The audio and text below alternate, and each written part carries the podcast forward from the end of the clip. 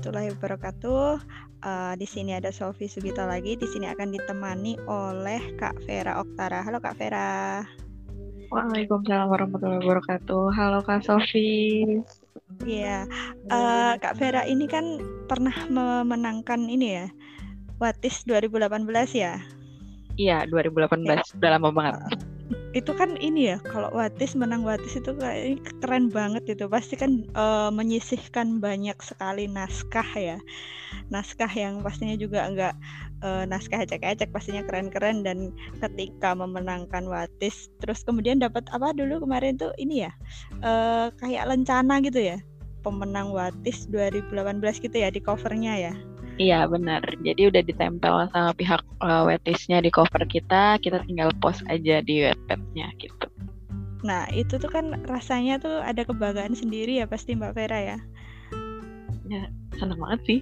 Senang banget.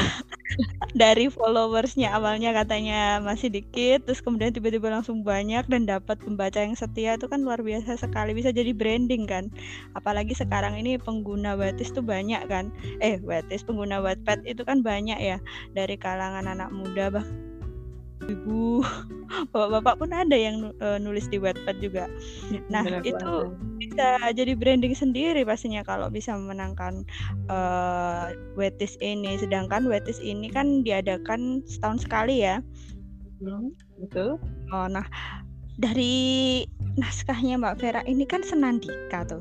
Sedangkan Senandika sendiri itu masih awam gitu ya banyak yang belum tahu. Bahkan teman-teman saya itu juga senandika tuh apa sih mbak? Senandika tuh apa sih yang model kayak gimana? gitu loh. Bedanya apa sama uh, naskah fiksi yang biasanya ada uh, wirawiri di platform kayak gitu gitu. Nah ketika saya waktu itu mbak Vera bilang tentang senandika saya masuk kan ke karyanya oh gini jadi senandika itu memang indahnya itu gimana ya beda kayak naskah-naskah fiksi yang lain gitu ya. Nah, oh, di sini ada Mbak Vera yang uh, apa namanya? Jago gitu ya dengan Senandika bisa uh, ngasih tahu gitu ya pada kita kita itu yang masih banyak yang belum tahu apa sih Senandika itu terus kemudian gimana cara bikin Senandika yang bagus sampai bisa menarik perhatian pembaca membekas kayak gitu mungkin sharing-sharing ini aja sih sharing-sharing ringan aja gitu gimana Mbak Vera? Uh, Oke, okay. uh, eh, sebenarnya kalau misalnya dibilang jago enggak sih. Uh, itu menang wetis keberuntungan. Beruntung beruntung kan Iya keberuntungan. Nggak tahu tapi emang Jadi, bagus loh. bukan beruntung bagus banget emang. Uh, sebenarnya aku baru uh, cerita sedikit uh, dari aku baru di Wattpad itu dari tahun 2017 sebenarnya. Tapi waktu itu cuma jadi pembaca aja. Dan kita udah tahu kan kalau Wattpad itu sebenarnya isinya novel kan ya. Iya, oh, banyak novel emang. Tapi kan aku waktu itu emang bukan bukan penulis novel basicnya, jadi aku cuma penikmat novel aja. Disuruh nulis novel sebenarnya tuh nggak bisa karena belum belum berani nulis satu buku panjang gitu beralur belum bisa. Gitu. Hmm. Jadi 2018 itu aku mulai nulis uh, Nandika. Aku biasanya nulis Nandika itu di platform lain. Nah, terus coba untuk kayak ya udahlah taruh aja di Wattpad gitu. Nggak waktu itu nggak mikirin mau dapat pembaca kayak mau enggak kayak pokoknya taruh aja gitu. Karena memang tujuan gue nulis ya memang ya pengen nulis aja gitu.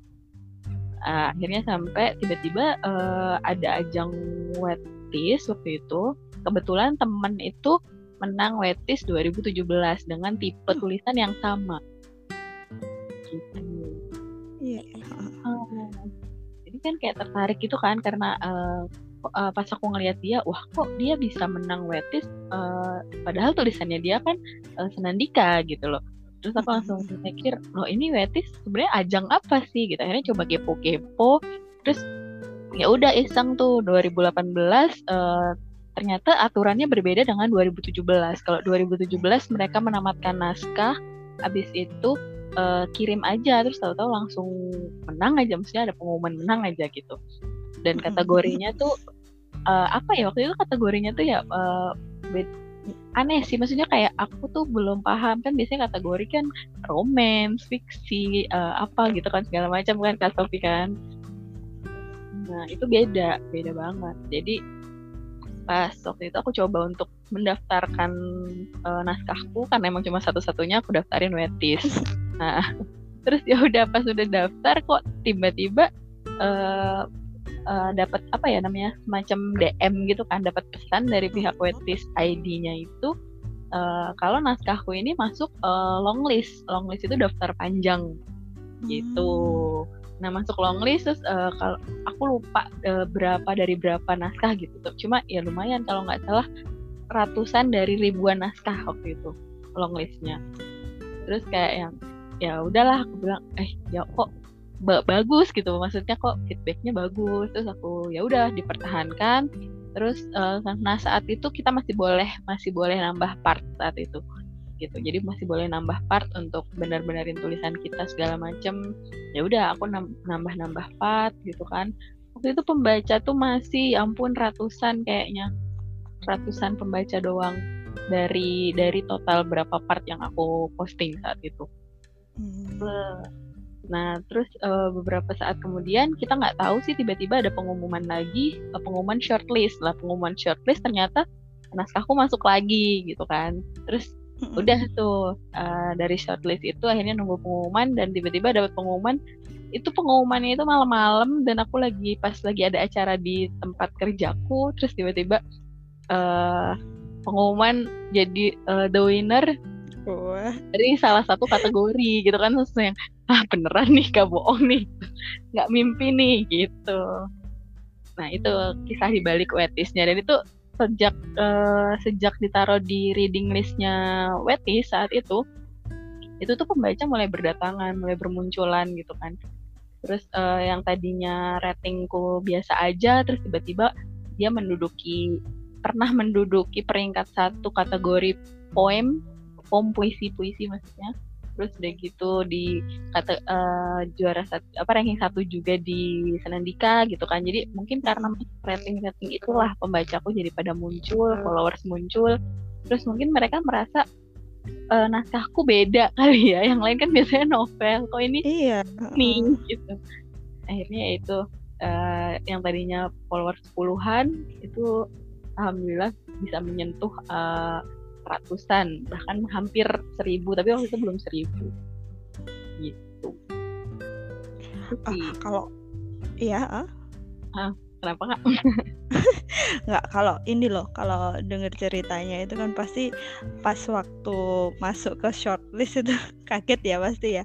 Nah itu apa namanya kira-kira itu kalau dari naskahnya Mbak Vera sendiri dari ini ya dari bikin Senandika itu yang kan itu ditonjolin itu kan tentang perasaan pas uh, si nulisnya itu sosok uh, merasakan hal seperti ini lebih ke perasaan kan ya kalau Senandika itu. Nah selain itu kan saya juga nemukannya itu dari diksi-diksi uh, yang indah gitu ya. Kalau Mbak Vera sendiri itu pas waktu masuk ke shortlist itu merasa nggak ketika uh, flashbacknya bikin itu dulu mungkin dari pengalaman pribadi atau mungkin dari pengalaman orang-orang di sekitar itu ngerasa worth gak? Maksudnya ini iya memang uh, layak masuk gitu. Maksudnya jadi ketika naskah itu memang uh, akhirnya terpilih sebagai pemenang Wetis uh, memang naskah ini cocok kayak gitu tuh ngerasa kayak gitu gak? Uh, kalau misalkan ngerasa layak atau enggaknya sih sebenarnya kadang masih nggak percaya beneran nih gitu layak uh. menang gitu tapi kalau misalkan uh, balik ke flashbacknya maksudnya kayak pengalaman pas bikin terus uh, pengalaman pas nulis itu itu langsung bener-bener flashback banget sih kak jadi kayak misalkan aduh ternyata tulisanku uh, ada yang baca ya ternyata tulisanku ada yang suka ya gitu. Dan gitu sih lebih ke ternyata uh, kegalauanku tidak sia-sia gitu.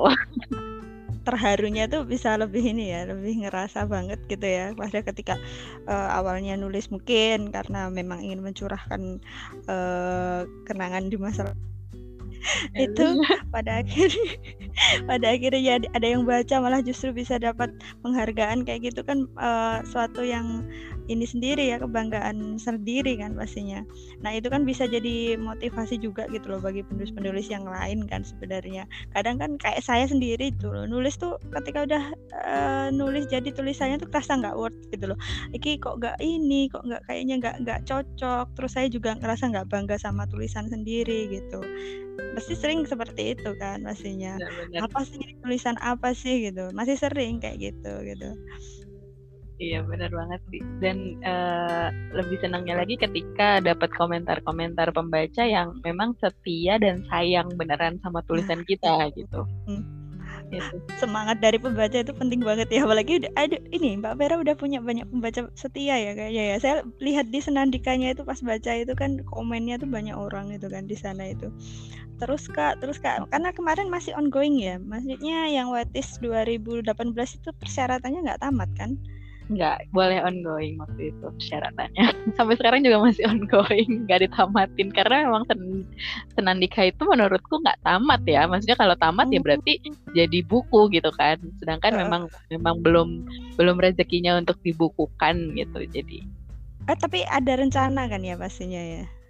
Ada pasti ada. Ada sih uh, dari beberapa juga. Kebetulan dari pembaca udah ada yang nanyain kapan diterbitin kak? Kapan diterbitin kak? Gitu. Karena kan mereka aku gantungin ya. Gitu. padahal sakit loh digantungin itu. Nah, itu. Terus kalau mbak Vera sendiri maksudnya ketika nulis itu uh, maksudnya waktu memilih diksi itu pernah nggak ada kesulitan kayak gitu? Uh, pernah sih kak, maksudnya uh, memang ketika dulu itu ya nulis tuh nulis aja. Cuma kan lama-lama ketika kita buka tulisan kita lagi, kok kayak cuma curhat curhat doang gitu kan. Terus akhirnya uh, mencoba untuk yang namanya pacaran dengan KBBI gitu. Jadi ya udah tuh buka-buka tuh arti-arti kata-kata yang bagus-bagus, terus uh, mulai kenal yang namanya thesaurus tuh untuk nyari sinonim-sinonim gitu kan uh, terus mulai belajar yang namanya majas analogi karena uh, aku di sini memang lebih suka ke uh, senandika yang uh, puitis gitu. Yang memang diksinya itu diksi kalau kata orang awam sih sebenarnya diksi diksinya diksi lebay gitu. Tapi aku memandang itu sebagai ya itu puitis gitu. Kayak romantis aja gitu. Iya romantis memang bahasanya. Gitu jadi ya udah sih. Dan memang uh, waktu itu aku memang sering banget dibilang kalau uh, spesialis patah hati dibilangnya.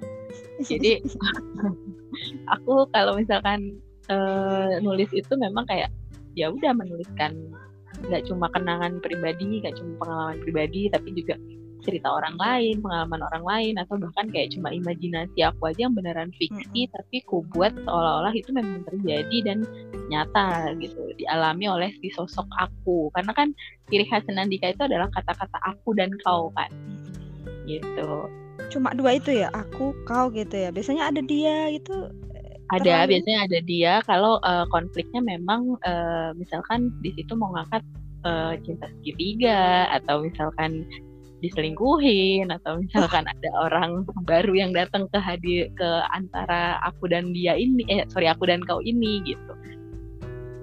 Tapi lebih uh, banyak sih aku. kalau misalkan ini kan Senandika itu kan pop satu ya point of view-nya itu kan satu uh, orang pertama kan ya? Iya pasti ya? Betul. Uh, pop satu atau pop uh, dua? Oh gitu. Nah kalau misalkan pop satu itu kan ada ini ya kadang yang kalau yang baku gitu loh karena untuk lebih ke lebih ke apa namanya bahasa tokohnya itu kan. Nah itu kalau Senandika itu bisa nggak baku gitu apa memang harus baku biasanya? Uh, sebenarnya bisa nggak baku. Jadi Senandika itu sebenarnya kalau uh, Senandika itu kan juga sama kayak cerpen dan novel ya. Dia bagian dari prosa, cuma lebih bebas. Kalau novel dan cerpen kan lebih banyak aturan. Kalau Senandika karena dia buah pikiran dari si tokoh aku ini atau si penulisnya ini, jadi uh, menurutku lebih bebas. Malah justru lebih uh, terserah gitu mau pakai bahasa baku atau nggak baku. Cuma karena kenapa di punyaku ini baku uh, karena uh, kekuatan naskah itu sebenarnya di situ gitu. Jadi emang memperindah tulisannya ya dengan kata-kata baku. Nggak mungkin dong tiba-tiba aku nulis matahari uh, aku ganti jadi cakrawala tapi nulis tidaknya enggak gitu misalkan. Aku nggak suka menatap cakrawala kan kayak kayak kurang enak gitu loh kak. Jadi disesuaikan makanya aku pakainya baku. Cuma boleh atau nggak pakai yang nggak baku? Boleh banget. Banyak kok penulis Nandika yang pakai bahasa nggak baku gitu. Oh, banyak ya. Maksudnya saya kira memang harus baku kayak gitu. Tapi ternyata memang lebih ke ini ya, kesukaan masing-masing ya. Mungkin ada yang dia lebih nggak baku, tapi yang penting bisa tetap ini sesuai kaidah gitu, nggak kayak yang bahasa lebih-lebih kayak Iya, gitu. benar. Benar-benar. Bahkan uh, kalau Senandika tuh uh, pakai bahasa-bahasa yang sebenarnya nggak ada di KBBI atau sebenarnya bukan bahasa nggak baku juga, tapi kayak bahasa apa ya? Uh, model model misalkan kayak tiba-tiba. Tiba-tiba itu kan uh, bakunya tiba-tiba. Tapi kadang penulisan Andika tuh nulisnya kayak tertiba gitu. Jadi kayak uh, sesuatu yang memang kayak permainan kata sih lebih ke permainan kata tapi masih bisa dimengerti dan memang nggak nggak terlalu jauh uh, melencengnya gitu. Jadi biar mungkin kan ada yang mainin di rima biar bunyinya tuh sama semua gitu kan atau biar kata-katanya enak dibaca gitu misalkan belakangnya eng eng eng semua atau belakangnya a a a semua gitu. Jadi memang permainannya di situ. Biar nggak kena serangan kuku kuku juga gitu ya. Iya bener banget. Soalnya saya tuh kalau bikin pop satu itu tuh karena baru sekali ya bikin pop satu tuh emang kena serangan kuku kuku kayak gitu katanya tuh. Uh, pembaca itu ya dari rasanya kayak kuku kuku apa sih kuku kuku kayak gitu? Iya benar uh, tricky ya, ya memang ya bikin itu. Uh, benar-benar tricky banget sih. Ya itu uh, itu sih yang bikin tadi uh, menjawab pertanyaan kak Sofi uh, ada kesulitan nggak untuk nyari diksinya? Uh, ya kalau dibilang kesulitan sebenarnya kesulitan gitu susah nyari diksi harus ngumpek-ngumpek tapi ya karena suka mungkin ya jadi menikmati aja gitu untuk nyari diksi-diksi yang puitik-puitik terus nyari uh, sesuatu yang analogis-analogis gitu. Kayak apalagi uh, aku ini lagi mencoba untuk yang kayak permainan rima gitu. Misalkan kayak kamu adalah yang paling pak kamu adalah yang paling di dasar palung gitu kan. Enak tuh paling palung gitu.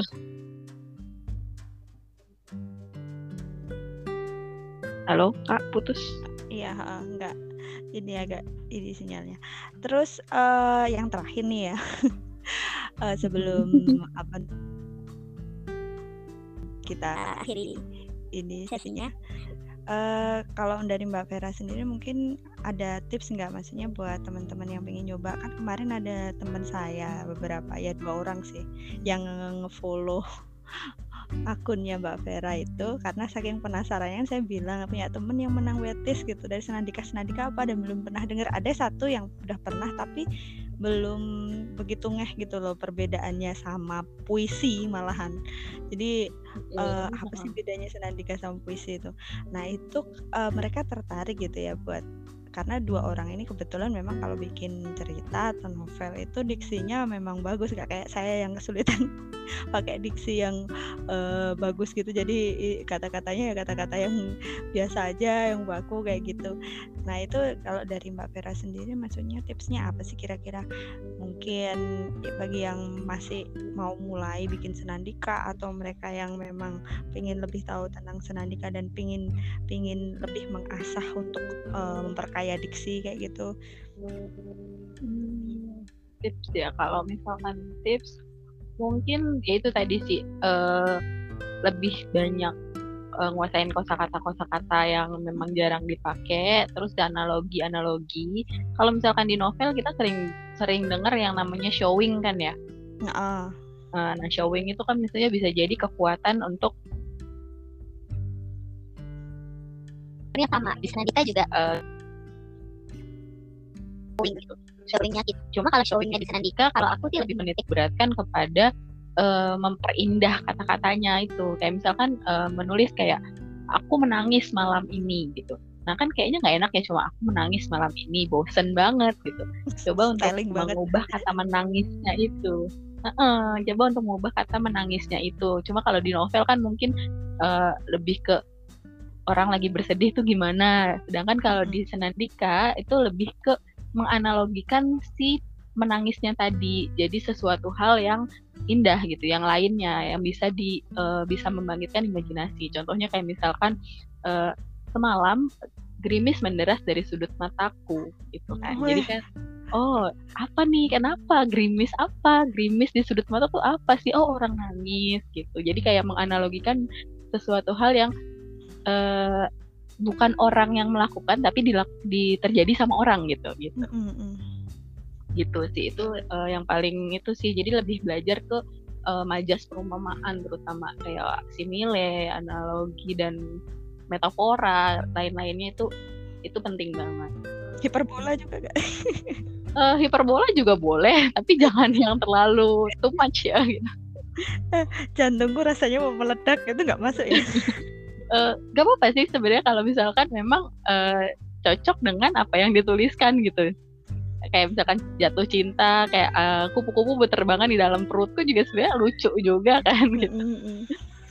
gitu itu sih eh, yang paling pertama terus yang kedua jangan pernah memaksakan yang namanya rima gitu yang tadi Oke. persamaan bunyi itu jangan pernah dipaksakan kadang eh, sampai sekarang sih banyak banget kalau misalkan ada yang sharing atau brainstorming sama aku tentang Sendandika banyak banget mereka masih eh, memaksakan supaya bunyinya tuh sama gitu di belakangnya Kayak puisi gitu ya? Heeh, kayak puisi bahkan puisi pun juga nggak memaksakan rima kan jadi eh, rima itu menurutku kayak eh, kayak pita di kotak kado gitu jadi kalau misalkan Wajib apa enggak gitu? eh, jadi kalau misalkan kita bis kita pinter naruh pitanya maka eh, bungkusan Tapi kalau kita nggak pinter eh, naruh pitanya, itu Nah, jadi bikin bungkusan itu berantakan gitu kalau menurut aku gitu. Jadi penghias yang nggak wajib tapi kalau ditaruh dengan cantik ya bisa bisa menghasilkan yang cantik. Cuma bahaya juga kalau dipaksakan ada. Kadang kan mentang-mentang belakangnya sama semua tapi juga nggak nyambung paragrafnya itu ngomongin apa. Jadi yang utama sebenarnya adalah eh, tulis dulu feel-nya feel-nya sampai selesai dulu mau nulis tentang apa. Misalkan mau nulis tentang eh, perpisahan. Dia menganalogikan tentang stasiun. Ya udah dari awal tuh bahas dulu. Misalkan adalah eh, stasiun eh, tempat di mana rindu bermukim. Terus apa apa apa gitu kan. Tapi ya bang, ini ya harus pinter mainin. Yang penting tuh pinter mainin ini ya diksinya biar bisa masuk ke dalam perasaannya pembaca ya memang ya mbak ya. Mm-mm, jadi memang memang mainnya memang feel banget sih. Makanya kalau eh, dibilangnya kan curhat ya curhat tapi agak elegan aja karena bahasa bahasanya dibikin tinggi. Curhat Padahal yang elit. curhat. Ya curhat yang elit. Gitu. Jadi lebih dan lebih kelatihan sih kak. Jadi ya itu sebenarnya jangan jangan langsung mikir eh, wah aku mau nulis diksi diksinya apa ya? Eh, jangan gitu nggak akan selesai. Jadi tulis dulu setelah selesai satu tema itu mau nulis apa baru kita review gitu baru kita kita ganti diksi-diksinya jadi diksi-diksi yang cantik. Kayak tadi ya tulis kalau mau nulis nulis misalkan orang diputusin aku kasih misalnya satu paragraf nih. Eh misalkan aku menangis tadi malam karena kau meninggalkan eh karena kau eh, tiba-tiba meninggalkanku. Kau pergi dengan dia padahal kau berjanji untuk setia misalkan gitu intinya. Kita mau nulis itu. Tulis aja dulu eh, kerangkanya itu baru nanti kita bikin. Misalkan jadi eh, semalam gerimis menderas dari sudut mataku. Perihal kepergianmu yang tiba-tiba dan tanpa pamit mengikut eh, mengikuti dia per, eh mengikuti arah mata angin yang dia berikan untukmu. Kan gitu. Jadi kayak oh eh, dia di- dia ditinggalin nih. Terus ke bawahnya misalkan bisa kita tambahin lagi. Kayak tadi kan eh, dia udah janji setia tapi ternyata nggak setia. Bisa kita tambahin satu kalimat misalkan eh, entah di apa pergi ke mana kata-kata yang kau janjikan dulu atau pergi ke mana janji setiamu dulu sudahkah tidak ada lagi di rumahku gitu. Jadi kayak eh, kita mainin mainin feel di situ aja sih gitu sebenarnya. Gitu paling itu tipsnya sih. Jadi tulis dulu apa yang mau ditulis baru mainin kata-katanya. Jangan langsung berpikiran aduh susah nih mainin kata-katanya. Nah kebanyakan orang tuh mainin kata-katanya dulu Iya, analoginya oh, oh. dulu gitu. Itu sih paling itu aja. Sama mungkin kalau misalkan mau belajar lebih banyak bisa langsung DM aku. Langsung aja. akun Wattpad-nya apa nih? akun Wattpad-nya Vera underscore Oktara akun IG-nya juga sama. Semua akun penulisannya itu. Hujan kopi senja. ya, kalau misalkan nggak nemu Vera underscore Oktara berarti uh, ada di akun hujan kopi senja. Antara dua itu Saya kemarin tuh mau nyari akunnya Mbak Vera itu langsung hujan kopi senja langsung ketemu. Paling itu.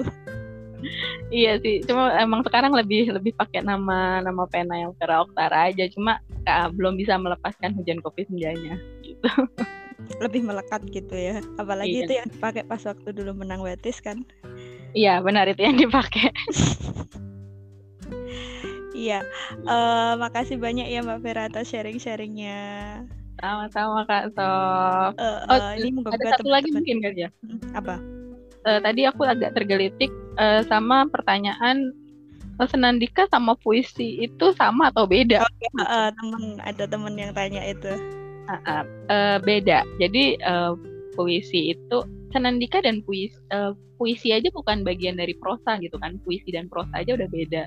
Sedangkan senandika ini adalah bagian dari prosa, tapi lebih ke uh, uh, semacam kayak mirip monolog. Tapi kalau monolog kan dia uh, memainkan berperan-peran tapi diperankan oleh satu orang. Sedangkan kalau Sandika lebih ke buah pikiran ke curhatan gitu. Ya ciri-ciri khasnya tuh ya aku dan kau itu aku dan kamu. Jadi tulisan-tulisan yang banyak berterbaran di luar sana yang quotes-quotes itu sebenarnya bisa dijadiin senandika.